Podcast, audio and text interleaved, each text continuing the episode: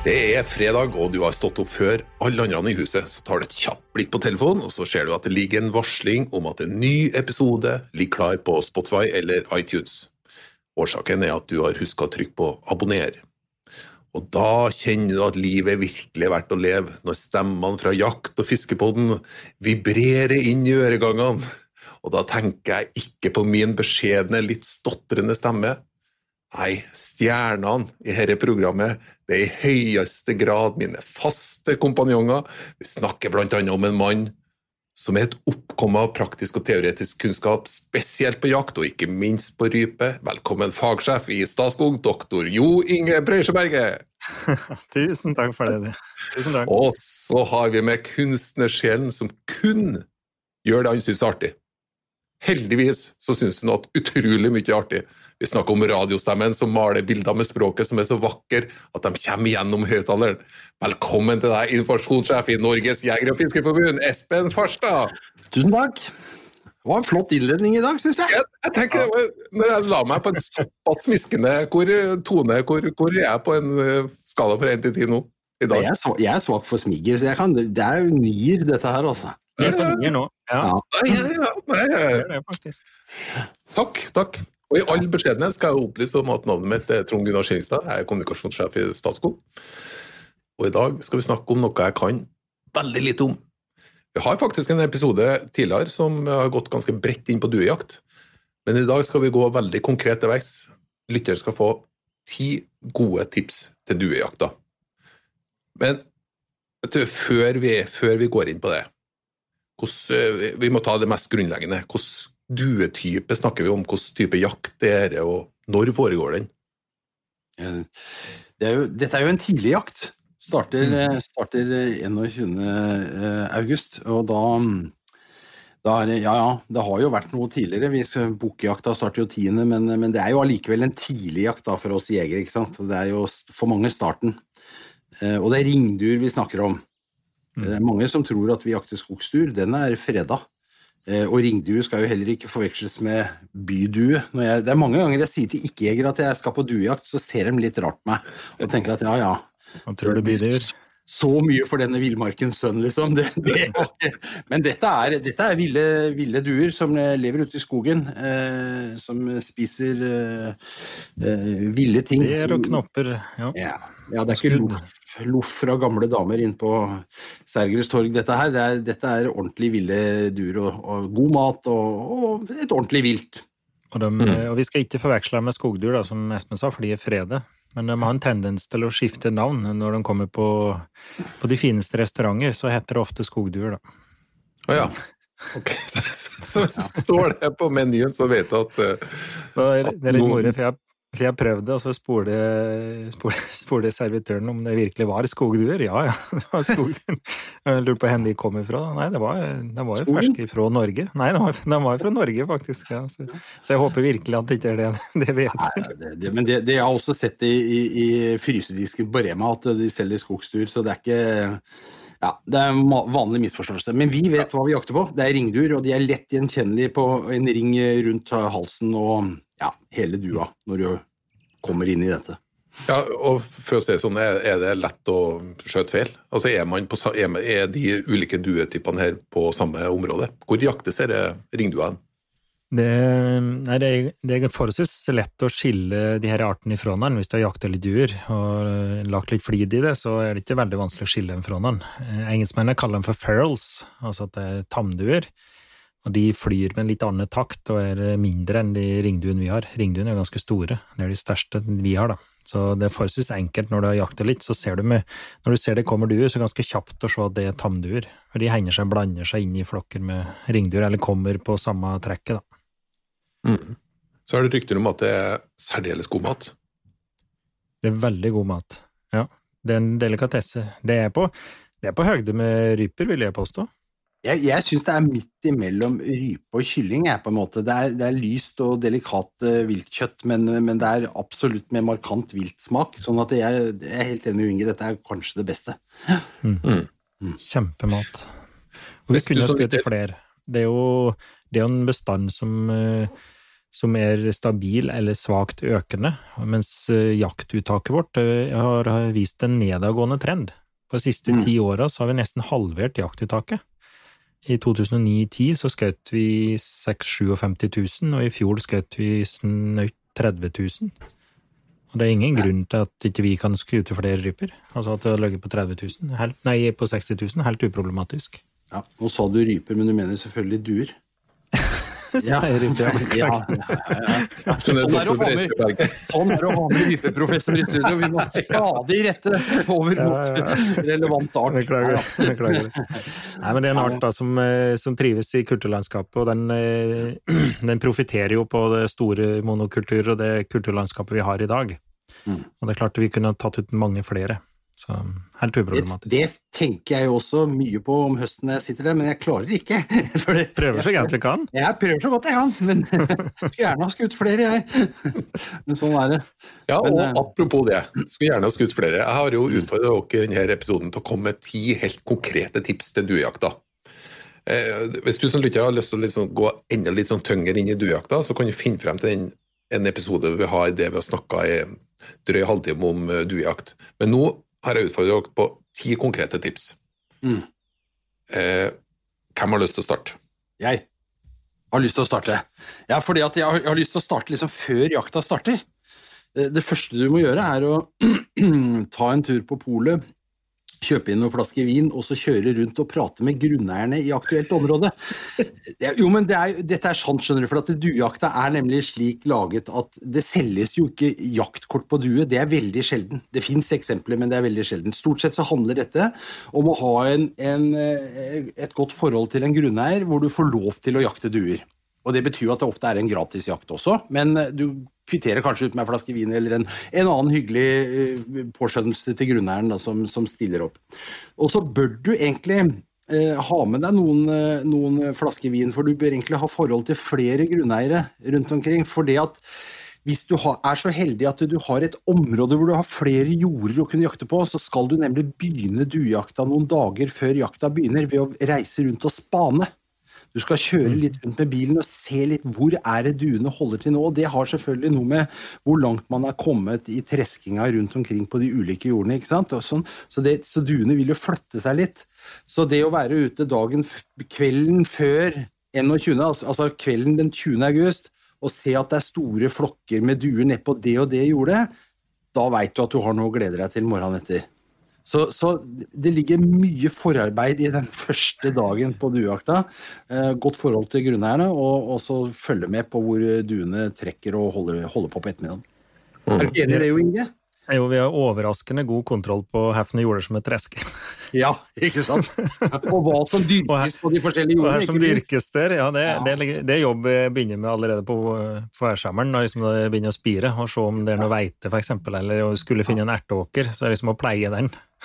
Og ja, da, veldig, da, veldig grei med han eh, bonden der gjennom hele sommeren. Da snakker vi magnumflaske, nemlig, hvis, ja, hvis, det er, hvis det er erteåker. Ja. Så, så, vi har just et vanlig god kontroll på her de har på jorda sine, og hvor tid de tresker det, og eventuelt om de legger det der. Det, det veit de faktisk. Mm. Ja, vin til grunneierne. Litt utvida perspektiv. Vin til grunneierne. Ja, Egentlig spaning, da, det er det vi snakker om. Men du må jo, du må jo vite at du får lov, det er ikke hjelper jo ikke å finne duer på et jord hvor du ikke får lov til å jakte. Så, jeg skjønner. Ja. Så her er litt sånn uor, det er litt sånn uorganisert jakt, det her. Så, som, der, du må, der, du må, gjøre jobben sjøl, egentlig, og finne frem til sjøl. Mm. Ja, mm. i all hovedsak så er det det. Ja. Jo Inge? Tips nummer to? Ja. Jeg tror jeg lurer på Vi, tar, vi kan fortsette på den spaninga, da. Da Eh, er det viktig å ha en eh, god kikkert. Eh, som jeg følger med på en del fugler, da. Og det høres kanskje litt enkelt ut, men det å ha en god kikkert, det er for meg er det veldig viktig. Ikke at jeg ser dårlig, men for å spane inn da flight lines, hvor duen kommer inn på jordet, og hvor duen trekker, og ikke minst å se duer. Med en kikkert så ser jeg mye mer duer enn uten. Eh, og den bruker jeg òg når, når, jeg sitter i kamoen etterpå på jakta, så har jeg òg med meg kikkert. Er det stille, ikke ser noen duer, så er det fram med kikkerten. Da oppdager du duen på langt hold, og kan eh, se om det er innkomne duer, da. Eh, fra ganske langt hold, og være klar og, og sitte rolig bak kamoen før, før duen oppdager det. De ser jo fryktelig bra. Så mitt andre tips er ganske enkelt, men det å, å bruke en kikkert både i spaninga og ha med en, i, en god kikkert i um, kammoen. Mm. Mm. Har du jo med god kikkert, Espen? Jeg har ikke hatt det, altså. Jeg har ikke pleid å gjøre det. Men, men jeg ser poenget til Jo Inge, særlig det der når det, når det, ikke er så mye duer i lufta. Det å følge med sånn at du i det minste får med deg de få som er på vei inn. Eh, før, eh, før du skal ikke, For du blir fort litt sløv når du sitter der, ikke sant. Og så kom Oi, der var det en due, liksom. Den skal du helst unngå. Så, da er det best å sette den på forhånd, ikke sant? Ja. ja. Så, at, um, så jeg bruker den til å spane med hvis det er litt stille så tar jeg frem kikkerten, og da, utrolig, da ser du jo duer, og, og, du ser om de er på vei mot deg eller fra deg, eller Det ser du ganske kjapt. Og da, da er du klar, liksom, for da veit du at det kommer inn ei due fra høyre på langt hold. Mm. Jeg tenkte som så at hvis det var litt lite duer, så er det litt artig å se seg rundt med kikkerten, men det var ikke det du tenkte på. du tenkte på speid etter Nei, Espen, Tips nummer tre. Ja, eh, jeg er litt opptatt av at eh, du setter deg på rette stedet. Eh, valg av, valg av sted og liksom rigge seg til med lokkeduer og kammoen, det, det, er veldig viktig. En, jeg våger en påstand, det er mulig at noen vil protestere, men jeg har nesten aldri sett en due som slår ned i nedoverbakke. Den vil slå ned i svak oppoverbakke. Så hvis du kan sitte på en liten kule i terrenget, en haug, en tue eh, på enden av et jorde, eh, så er det optimalt. Og, og, det er også litt sånn Du ser etter høydedrag og linjer i terrenget. Disse fuglene følger høydedragene, følger linjer. Typisk et, et elvedrag, eller, eller det kan være høyspentlinje også, for den saks skyld. Altså, de liker på en måte å følge sånne drag i terrenget. Hvis du da klarer å finne en plassering av posten din oppe på en haug eh, slik at du på en måte fanger inn disse duene som allikevel kommer på det trekket, da kjenner, da, da kjenner, du at du har satt deg på riktig sted. Det er viktig. Mm. Veld, veldig viktig. Det er det engelskmennene kaller flight lines. da. At de flyr langs høgspent jernbane, elver, eh, altså kinte strøk i, nei, strekk i terrenget. Mm. Og så når vi da eh, finner det vi skal sitte, så må vi sitte under de der eh, innflygingsruten, da. For er da, da, du får, det er da du lykkes, når du treffer under de. Og den høgda i terrenget som Espen prater om, kan jo være et tre. Hvis det står at det er tre ute på jordet, for eksempel. Det skjer jo at vi setter at i ei kantsone eller eh, et stort lauvtre, for eksempel, kan være en magnet ute på de jorda. Og den, akkurat den der høgda som en sier. Helst ikke en høyspentledning, det er fy. Men eh, et tre, for eksempel, det er jo helt mega. Jeg skal forklare hvorfor det er fy med høyspentledning, kanskje? Ja. ja, for det, det, du skal nemlig aldri skyte mot en høyspentlinje. Altså det, det, er jo ikke lov, og du vil jo kunne risikere å skade noe. og Det fins jo til og med ledninger hvor det er surra eh, datakabler på utsiden og alt. Altså det, det, er ikke lov. Det, kan være, og det kan være fristende. Det høres litt rart ut, kanskje, men det er jo ikke sjelden at duene slår seg ned på ledningene. Veldig gode på det. Ja, det har vi ikke bruk for dem. Så hvis det ikke, da får du heller klappe i hendene og få dem på vingene igjen. Altså, et eller annet. Mm. Mm. Nei, bra. Eh, nummer fire. Ja. Eh, da tenker jeg på, litt på utstyret. Eh, og det å ikke overdrive utstyret. Som regel så bærer utstyret ut på, på jordet. Eh, det er ikke alle bøndene som er glad i at du kjører på jordet. Det kan være grunner til at de ikke vil at du skal kjøre på jordet. Hvis de ikke har avtalt det på forhånd, så bærer jeg alt utstyret på jordet, og da lager jeg da tar jeg riggutell på forhånd, da. Så jeg har ei pakke så at jeg har eh, stenger til å henge kamonettet på. Det har jeg klart. Eh, netta har jeg klare, og duen har jeg klare i, i en egen sekk. Og patroner og det i den stolsekken eller stolen jeg sitter på. Og så bæsja jeg i futteral. Så at jeg klarer å lage at dette er ei pakke som jeg klarer å bære alt sammen med meg jeg ikke overdriver det utstyret, og har alt på riggen og har neva fri, så at jeg klarer å manøvrere meg ut dit det skal. For det er lett forbi nukk utstyr og nukk patroner, eh, så at en ikke overdriver det og klarer å få med seg alt sammen, og har det der klart, så du veit når du skal sette det opp, så det ikke er noe som mangler. Ikke mangler et kamonett, det litt, men, men, det er litt dobbelt det, er litt dobbelt det der, Jo Inge, for du bærer, du, bærer, deg jo skakk ut på jordet, ikke sant? Ja, det er det. Og har du hatt en god dag på jordet, da, så bærer du deg enda skakkere tilbake. Men den børa den er så tung å bære at den er lett å bære likevel, ikke sant? fordi at eh, du har med deg duer. Men jeg, har, jeg, jeg må bare si noe om det med utstyr. fordi at eh, For noen år siden så var det veldig populært med såkalte duekaruseller. Ikke sant? Altså, Det, det ble lagd en- altså en mekanisk innretning med to Du kan tenke deg som en, som en liten sånn helikopterrotor som står ute på jordet med to vinger. Så monterer du en due på, ytterst på hver sånn vinge, og så går det da altså en ledning inn til deg som sitter bak kamoen, hvor du har da et batteri, og så den er batteridrevet. Så når, når du trykker på knappen, da, så går den der rotoren rundt, og det ser da for duene ut som det er duer som lander og letter, og at det er litt bevegelse på jordet. ikke sant? Det skulle trekke til seg. Men du vet, for meg så blei dette helt feil. Jeg satt på jordekanten, det er riktignok et kulturlandskap, men du er tross alt på jakt. Du sitter inne i jordekanten der, sånn, det er litt fred og ro, så trykker du på den, så begynner det å summe, og så går den Det var som å sitte og se på Thomas Tivoli, ikke sant? Det, var sånn nei, dette blei ble helt feil. Det var for mye utstyr for meg, i hvert fall. Så, og det er mer enn nok utstyr som det er, som du sier, Inge, som skal bæres ut og inn av jordet. Det er, eh, det er tungt å være duejeger. Ja, det er akkurat det.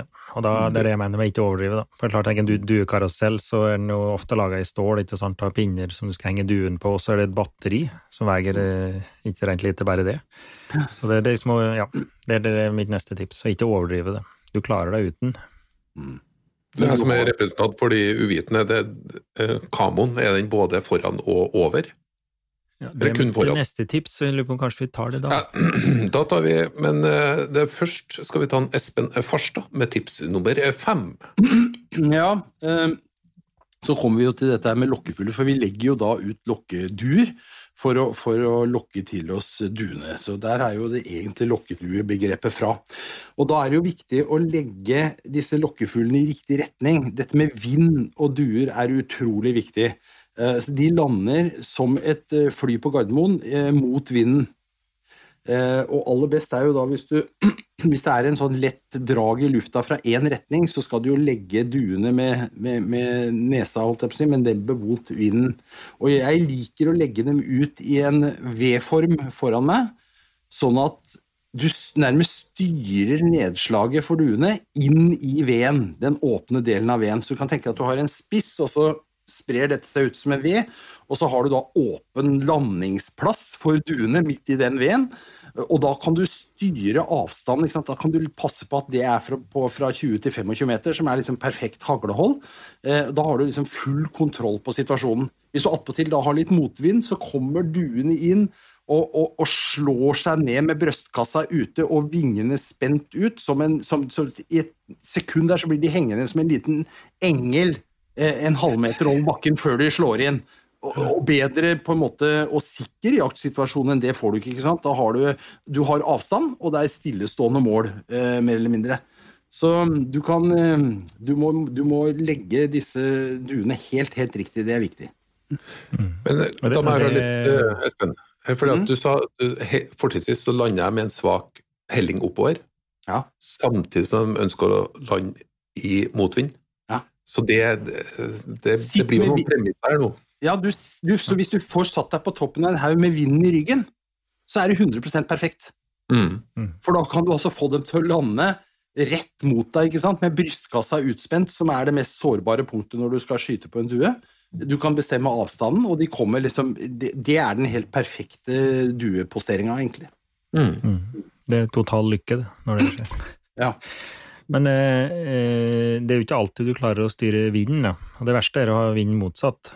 Så at eh, du vind blåser på deg, for da må de komme over deg og så lande. Eh, så at du får dem bakifra inn på lokket. Det er det absolutt det verste.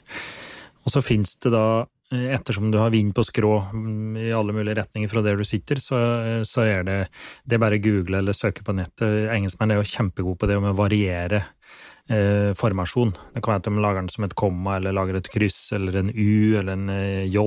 Så at eh, det er ikke alltid vi bruker eh, V, men da, da du tilpasser det etter en vind kommer inn. Da. Og det poenget til Espen, det vi prater om her, er å lage en sikker landingsplass for duen. At det, det er trygt å være midt i flokken, og framme i midten er tryggest. Mm. Det er der de vil lande. Det er dit vi skal styre dem. Da har du lykkes.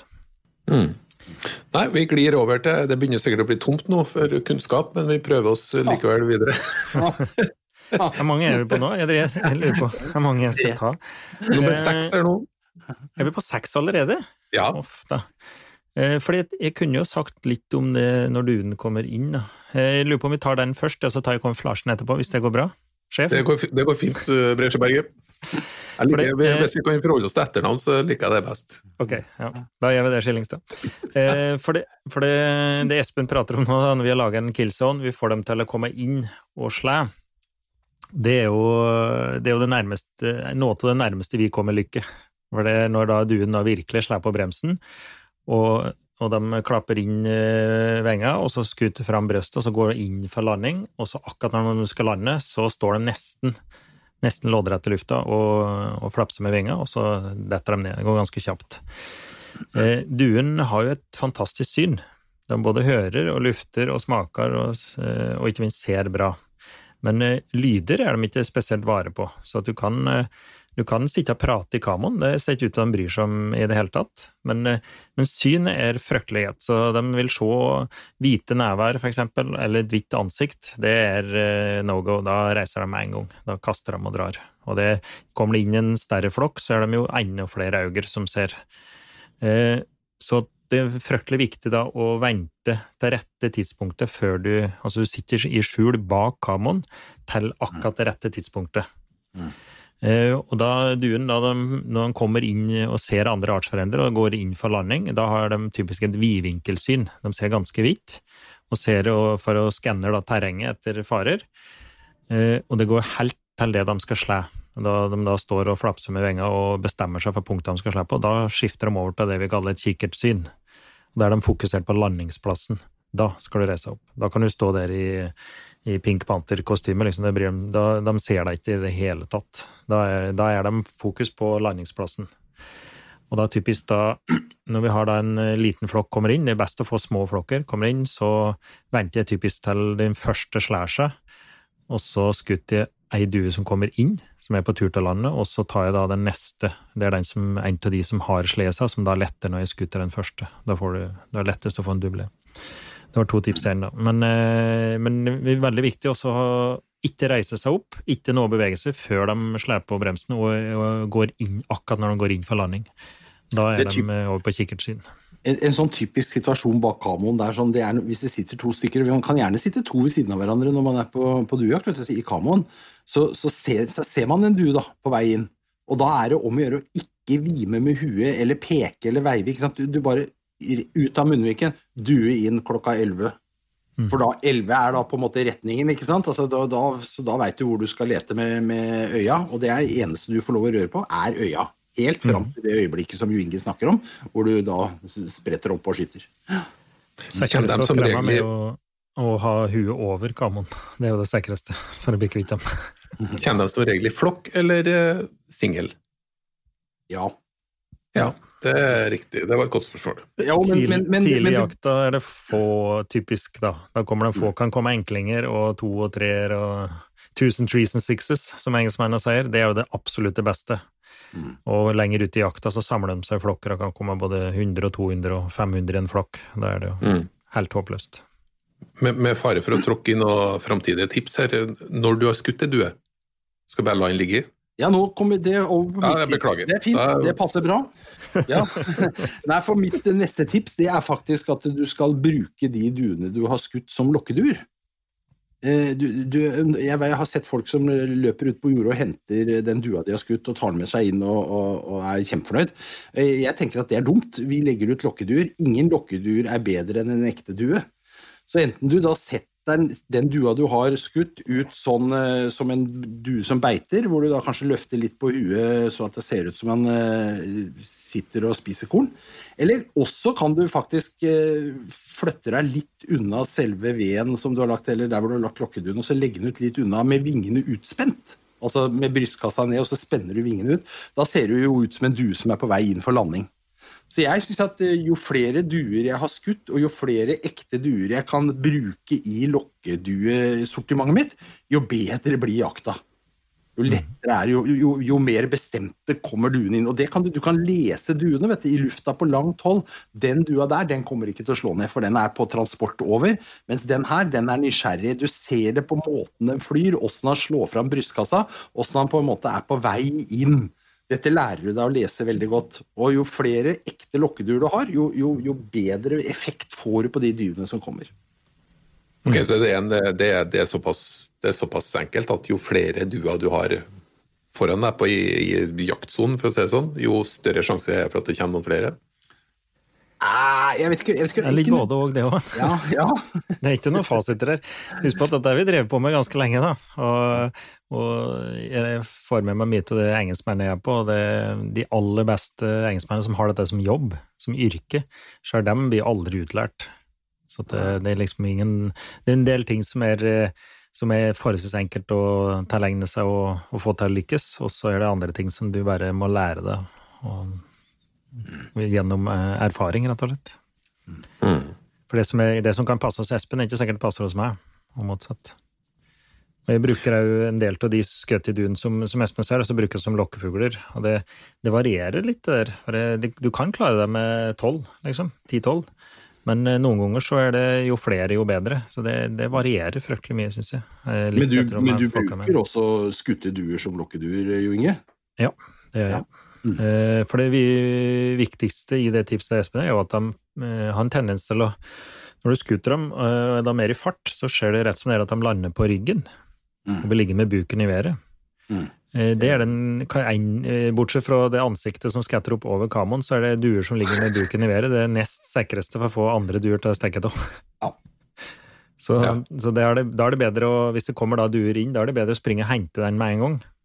Eh, og du ikke har tid til å sette den opp, da, for eksempel, så tar du henteren og så setter du opp den da neste gang du har skutt duer. For det, kommer det duer inn da, de slår ikke hvis de ser en artsfrende ligge med buken i været, altså. Så enkelt er det. Mm. Nei, det er mat, trygghet. Eller omvendt rekkefølge. Trygghet, Ja. mat. Mm, trygghet mat. Altså alt, alt som kan eh, representere noe unormalt eller en fare, da Sikre. ja. Så enkelt er det. Nei, men Jo Inge, begynner det å bli tomt nå? For nå har vi kommet til tips nummer åtte, faktisk. Å, kjære Er vi så langt? Ja. Ja. Nei, jeg kunne sett i prat hele dagen, jeg. Um, skal vi ta litt på kamuflasjen, da? For du spurte så vidt det var om det i Ja. stad. Og Det det, er jo en, det er jo en hel liten vitenskap. Og En uke gang så har jeg lært av engelskmennene. Eh, Da har jeg laga det de kaller hide poles, det kan du kjøpe, da. Eh, Men jeg har laga egne stenger. Det er to stålrør som går inn den, og jeg har sett på en, eh, en enkel skrumekanisme midt på, så jeg kan justere høgden på dem. Og så er det en kløft i enda, så at jeg kan justere høgden på det ene røret, så at det blir passe høyt, og så skrur jeg fast så jeg får rette høgda på det, og trår de ned i bakken. Så har jeg fire like hide poles, og så har jeg én lavere enn framme. Så at jeg lager en firkant med, med en, eh, med en eh, påle da, midt framme til, så du får en eh, trekant framme den firkanten din. Skjønte du? ja. Og den Syns du er flink, jeg. Og den skal være litt lågere enn eh, den firkanten din som er bak. Det er at du da kan eh, dra opp bæsja inni kamoen uten å hekte i kamonettet. For hvis du har en rett vegg framme, så hekter det- di fryktelig fort i den kamonettet. Hvis du har gjort det mange ganger, så vet du at det, da er du ikke veldig kjapp til å få den opp i anlegget og skute deg, du. Hvis den er inntuklet i noe kamonett. Så at jeg lager en trekant framme, og den er litt lavere enn resten. Og da er det viktig at de fire da, som jeg sitter inni, som jeg har da kamonettet rundt, er dekt, og at det da er dekt til og med huet mitt, og at jeg har et nett oppå huet mitt. Vet du, så den firkanten, den boksen jeg står i, den er da dekt hele veien med et nett over, og så er den trekanten framme, den er åpen. Da ser ikke duen inn i det, for jeg har kamo bak. Ikke sant? Det, den er tett, så det er en vegg bak. Um, det ble mange tips senere, da, men da har du når du lager den kamoen, så er det veldig viktig at eh, ikke duen ser igjennom hvis du sitter mot en hekk eller noen trær. eller noe. Hvis, hvis de ser bevegelse der, ser eh, et menneske der som fletter seg mot eh, bakgrunnen der, da, er det, da reiser de bare. Så den er tett bak, og så er det jo viktig å ha tett over, så de ikke ser rett inn, for duene har en tendens til å fly rundt, gjøre en runde over det, og så de, før de lander. Og ser de da ned i kamoen og ser det ligger det plastposer og, og patronesker og alt mulig krimskrams, og et lyst eh, hue som ser opp, så er det kjørt. Så det, jeg legger ganske mye tid i den kamoen. Og så bruker jeg òg kvister, da, hvis det er naturlig en hekk, da, for eksempel med vikjær eller om det er bringebærkratt eller noe, så bruker jeg noen kvister òg i kamoen for å bryte nettet. Da vil den gå i ett med resten, og jeg har dekning for eh, bak meg og over meg. Vi burde hatt en Dette var. Dette var, det er, dette var imponerende, Jo Inge, for dette var jo en tilnærming eh, ja, verdig en, en, eh, en rypeprofessor, holdt jeg på å si, en doktor her. Jeg, for vi, jeg må innrømme at jeg har litt, litt mer slumsete forhold til dette. da. Jeg har, eh, jeg har kjøpt en gammel Jeg kjøpte en kjempesvær kamo på et sånt forsvarsutsalg en gang. Og så klippa jeg til en, en ganske svær beta da, som er så stor at jeg kan Og jeg har ikke med noen pinner. Jeg spenner dette opp i trær som er på, i, i jordekanten, eh, og, og graver meg litt inn i, inni der sånn, ikke sant, og, og klipper ned noen busker og holder på, liksom. Og, og, men prinsippet er jo det samme, at jeg skal sitte godt skjult bak i kamoen. Men i de siste åra så har jeg faktisk dratt på meg en sånn kamodrakt utapå klærne mine. En sånn der bare sånn helt sånn veldig tynn, fordi den bryter alle konturer. Og noen ganger så er det faktisk slik at du kanskje har satt deg litt feil, at du søren, jeg skulle hatt kamoen 15 meter lenger til venstre, for det viser seg at de kommer inn på en annen måte enn det planlagt. Da kan jeg faktisk gå og sette meg i jordekanten bare i den kamoen, faktisk, for den, den fungerer aleine. Så Løvkamo. Ja, Ja. det, det, det, det, det koster jo nesten ikke noe. Den eh, vei, veier ikke noe. Tenk på alt du skal dra med deg ut på hjulet. da. Den veier ikke noe heller. Du bare trekker den utapå som en sånn lett utapå-greie, og så er du, blir du borte i skogen. Ja. Veldig bra. Da kan du ha shorts under òg, altså, hvis det er varmt. Så kan du sitte i lett T-skjorte og det, og så bare dra den ut på. Det er jeg òg, faktisk. Et par, Men par er oppfølginger. Det er en hel vitenskap, den der kamoen også. Og det, Hvor engelskmennene har gjort det der til en Hvor høyt er det inni, inni huset Nei. du har bygd nå? Nei, Det ideelle er at du kan stå der, så at du da, og helst to personer. Jeg jakter sammen med en kompis, eh, så vi kan, eh, hvis ikke to ved siden av hverandre. Og du kan òg reise deg opp, og så skute ut gjennom kamoen der, og ha, fortsatt ha dekning. Mm. Det er det ideelle. Mm. Og da, Nummer to. Ja. Eh, må det, har du noe i ansiktet? Jeg bruker det, men eh, en kompis min bruker ofte ikke det. Men så lenge du sitter da bak kameraen der, så de ikke ser, så det er skugger, og de ikke ser inn der, så går det stort sett bra. Men jeg bruker stort sett uh, like en face mask, da. Eller ansiktsmaske på get norsk. Ja, Enn du, Espen? Nei, det hender jeg har en, jeg har en sånn der duejegercaps med sånn der slør som henger ned foran. Eh, men men jeg, det, ofte så er det jo varmt på denne her jakta.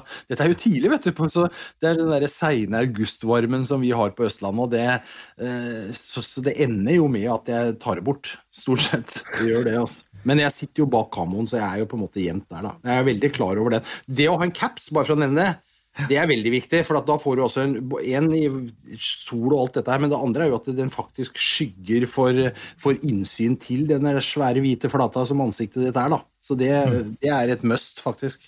Mm. Nå, kan, nå kan man tenke sånn eh, Hvis du skulle ha dratt det fra reveåte over, over til duejakt, at man kunne tenkt at det ville vært lurt å satt opp en kamo eh, et nett noen dager før. Eh, Men poenget her er vel at duene overhodet ikke skal trigges av det. Så det er vel ikke noe tilvenning som skal skje her, antar jeg. Nei, og så veit du ikke hen eh, du, du kan jo se Flightline kan du se før du begynner å jakte, men du vet jo Jeg har aldri vært på spaning, sjø. Ja, du er på spaning. Men, eh, men så vet du, så er det vind og alt, da, vet du. Så det, dette er jo Vind kan skifte i løpet av dagen, ikke sant? Ja. Det er ikke noe fast faktor her, så du må Dette er være fersk, ferskvare. Og det er ikke sjelden at du, flytter kamoen et par ganger i løpet av en duejakt heller, hvis du har bomma på For det kan jo hende jo at man bommer og så ser at søren, jeg skulle ha sittet der borte isteden. Da er det jo ofte lurt å bare flytte seg med en gang, ta den jobben. Men det går an å sitte to stykker inne her og drikke litt kaffe og prate. Ja. Ja. Absolutt. Ja. Dette er den eh, sosiale jakta vi driver på med. Og, og ja, veldig bra opplæringsjaktarena. Altså Det å ha med seg en førstegangsjeger på duejakt er jo helt 100% Altså Her har du jo kontroll på avstand, du ser viltet på god tid. Du trenger ikke være så stille, du kan kommentere alt som skjer. Du må sitte stille, men det, det klarer jo det, Altså Barn Jeg har hatt med barn mange ganger på duejakt, og det er også veldig uh, spennende og vellykka. Ja. Nei, jeg er klar for tips nummer eh, ni, jeg. Ja. Tror det er du nå, Espen? Ja, jeg er veldig skuffa over at jeg bare har én igjen, så jeg legger inn to. jeg for sikkerhets skyld. Jeg skal, bare si, jeg, jeg skal bare si en ting som vi glemte å si om lokkedur. Du må aldri legge lokkedur i skyggen. Jeg liker ikke duene. Hvis det, står, hvis det er ligger lukkedur i skyggen, så den, den blemma jeg godt på noen ganger. Ok. Det, så det har jeg lært meg aldri. aldri, aldri. Nei, du, det som jeg skal fortelle om nå, det er et tips som er veldig utypisk jakt. Men på, på duejakt så, så går dette an. Du sitter bak kammoen, og så skjer det egentlig ingenting. Det vil si, du kanskje har med kikkerten, da, som jo inngår, så ser du at det slår seg ned noen duer her og der, men det slår seg ned i trærne rundt omkring. Du får dem liksom ikke ned på hjulet. Da løsner du et skudd. Det, for da får du duene på vingene. Og hvis du da er, sitter stille, så, så vil de duene som er på vingene, etter at de, de liksom har flydd litt rundt og er litt usikre, så, så ser de jo det at jøss, der sitter det duer borte på jordet. Det er ikke sjelden da at de kommer og slår seg ned sammen med sine artsfrender. Så Nei, veldig Kjempetips, det. Ja, men mm. det, er ikke, det er ikke noe du bruker når du jakter rådyr. Liksom. Nei, det er ikke, det er, det er ikke like eller ræv. Jeg vil bare ta en smell, og så kommer det en ræv, liksom. Nei. Det er er- er vel bare på- det er vel bare duer jeg veit at det funker på. Ja, ja. Men der funker det. Ja. Ja, det funker. Så, Og det er like, ja, ikke for å avbryte, Espen, men det er litt, det er ikke ja. samme Vi pratet om høyspentledninger i stad. Det må en tendens til å hope seg opp på høyspentledninger eller i trær. Og så fort du ser at det blir ansamlinger der, så er det bare å få dem på venga. For sitter de der, har god tid og ser at det ikke er noen bevegelse i lokkebildet ditt, så kommer de ikke. Og da, når det begynner å bli oppsamling, da, type tråder eller hekker eller i, i treet, så er det bare å få dem på vinga. Klappe eller skrike eller ta et skudd. Eh, Det, det mest effektive er som regel å ta et skudd. Og likevel, da får de på venga, og så kan de komme inn. Mm. Mm. Kjempetips. Du, men apropos det, det skjøtes Det er relativt eh, folk, folkenært. Mm. Det, det er ofte folkenært. Er det sånn at uh, dere gir beskjed til folk i nærheten, eller uh, tenker dere at uh, at skuddene blir en naturlig del av deres hverdag som de ikke reagerer på? Her tipper jeg at Breisjøberg og jeg har litt ulikt utgangspunkt. Jeg bor i Asker, og du bor eh, et eller annet sted inne i de dype Finnskogene. Det, er, det er nok litt, eh, an, kommer litt an på hvor du er. I Asker, så, hvor vi jakter, eh, eller rett utapå Asker, så ja, jeg har noen faste jorder. Der trenger jeg ikke det. De er vant til at det smeller. Og det er jo et kulturlandskap med gårder, og, og det drives med hester på nabogården. De bryr seg jo ikke i det hele tatt. Eh, Så, så det går veldig bra. Men, men jeg bor som sagt i Asker. Her er det mye duer på de jordene som er, men vi får ikke det er bare noen få som får lov til å jakte i Asker. De varsler politiet på forhånd. Eh, Her er det for tett, rett og slett. Og det må vi jo som jeger også ha forståelse for. At eh, det skal begynne å, å smelle skudd fra våpen eh, der hvor du i bunn og grunn sender unga dine på skoleveien. Det, det, det kan bli litt vanskelig. Så det kommer litt an på hvor du er. Mm. Det er ikke et utpreget problem i Soler, altså. Det er Ikke med meg. nei. Det, det, det her er jo folkesport. Eh, at det da smeller da, det er bare et, høsttegn. Og bøndene er glad til at du skutter duer. Som regel så er de bare glad til. Og jorda er ganske store, og, og vi klarer å ha sikkerhetsmargin. Så det Jeg har aldri opplevd at det var et problem, faktisk. Det kan man kanskje bli urolig hvis man ikke hører skudd i løpet av en dag. Ja, heller det. Så holder du, du, du duen i gang, da. Når det jaktes litt, litt overalt. Eh, jakter typisk langs Glomma, eh, der duen ned for å, for å drikke vann. Og de flyr over krysser, for eksempel. Og det er klart at Mm. når det jaktes på begge sider, så vil holde duen litt mer i bevegelse, litt mer i gang. Da, da setter de seg ikke til på ett jord, og så blir værende der. Så, så det kan bare være en fordel. Men du sa at bøndene er bare glad til det, Ja, fordi Eh, nei, de fleste bønder har jo jeg skal si, problem, da. Når du, hvis, hvis du reiser til England, for eksempel, så er jo du, ringduer eh, eh, Der er de betraktet som en eh, peast, altså en, eh, en, eh, et skadedyr. Mm. Og de fleste bønder har litt anstrengt forhold til duer, og det, i all hovedsak så er det tamduer. Det er tamduer som kommer inn og eter spelkann, ikke sant, fra et kannlager eller, eller i en kannsilo. Så, har de duer flaksende rundt på garn litt hele tida, og er stort sett eh, har et negativt forhold til duer, og det er et problem for dem. De kan jo ha med seg parasitter og, og, og skite ned, ikke sant, og det ene andre. Eh, Når du da spør om å jakte duer på jordet, så er de fleste bønder jeg vil bort til, så er de bare glad kvitt denne duen. Og selv om de, de antageligvis har et negativt forhold til tamduer, så er det svært sjelden vi får nei til jakt til ringduer. mm. Og I tillegg så en flokk med ringduer. De er jo fryktelig gode til å ete og stappe i seg mye mat, og så reiser de og hviler og, og omsetter den her maten. Da. Eh, og jeg har sett forsøk på det fra England. På maisåkre f.eks., eller erteåkre, så kan ei due kan ha 150 gram i kråkpåsen. 150 gram per due. Og hvis du da har noen millioner duer, så går det an å regne opp til mye bøndene potensielt kan tape. Da. Så i områder slik som i, slik som i England, da, så er det områder der de bøndene taper store summer da, på at de eter mm. erter eller uh, andre frø. Mm. Mm. Nei, vet dere hvor langt vi har kommet nå? Ja, vi, er på siste, vi er på siste tips, er vi ikke det?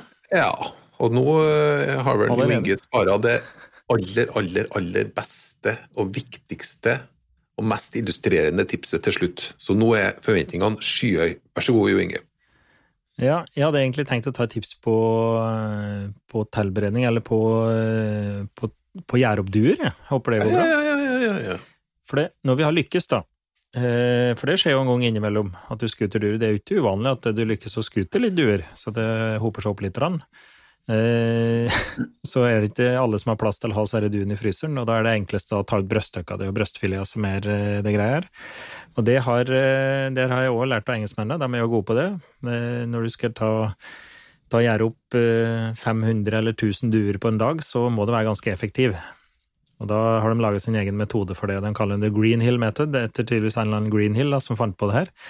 Og det er å ta holde dua i enden av den. Hvis du er høyrehendt, så holder du deg i venstre tar tak i vingerota på dua, var litt fast i klippa, vri tre ganger rundt, nappet av vingen. Da slipper den i skulderleddet, napper den av. Gjør det på, sammen med andre. Da må du holde den i høyre, ta med venstre, vri vingen rundt. Hvis du ikke er sterk nok i klippa, så tar du den ett ledd lenger ut, men det kan du nappe av eller klippe av etterpå. Men eh, litt sterk i klippa, vri tre ganger rundt, nappe av vingen. Da har du tatt av to venger, står igjen med kroppen i, i neven. Holder den fortsatt i venstre, tar hun, bretter bort krogposen som sitter i brøstet her, bretter den til side, tar tak med fingeren under brøstfileten, og så napper du den bakover. Og så følger du hele, da sitter da brøstfileten på brøstbeinet, får løs hele brøstbeinet, og så napper du av den i bakenden. Det tar ca. 30 sekunder når du har lært deg det, og så tar du av skinnet eh, på brøstfileten. Da har du hele brøstfileten løs, med noen løse fjør som du plukker av ca. 30 sekunder. Vri til venga, bort med gråposen, ta et solid grep og nærmest åpne som en, eh, som en brusboks. Trenger ikke altfor mye kraft da, på å rive av brødstykket. Og så drar du tå skinnet. Så står igjen med to brøstfileter på, på brøstbeinet i nevene. Fileterer du da av, eh, av brøstbeinet etterpå?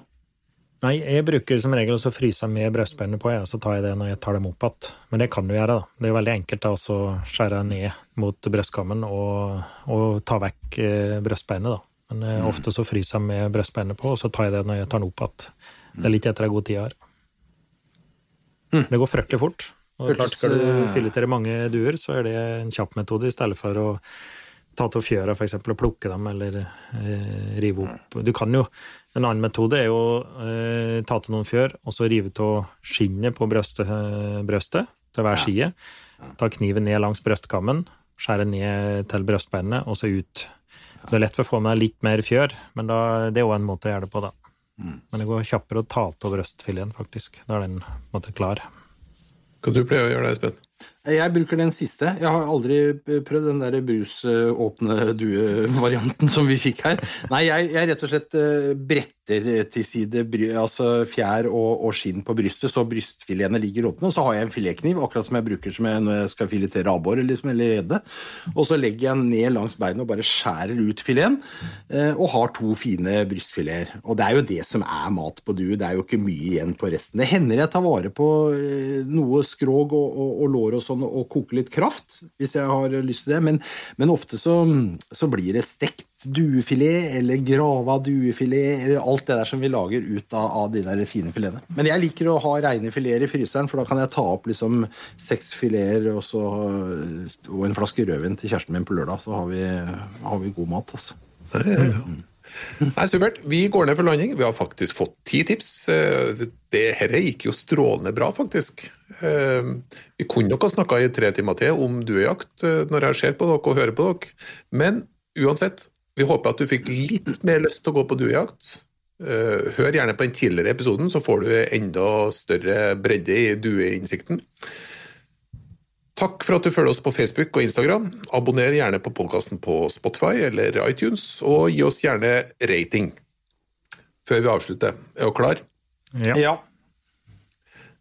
Randonee, hot or not? Not. Not. Tesla X, hot or not? Hot. Not. Nå er, nå er jeg litt spent. Hvalkjøtt, hot or not? Hot. Hot. Ja. Og så eh, tar vi en eh, bankers eh, hot or nå til slutt. X-Faktor-vinner og Namsos-rocker Chan Torsvik, hot or not? Not. Aldri hørt om. Takk for at du fulgte oss. Vi er tilbake med en ny episode neste fredag.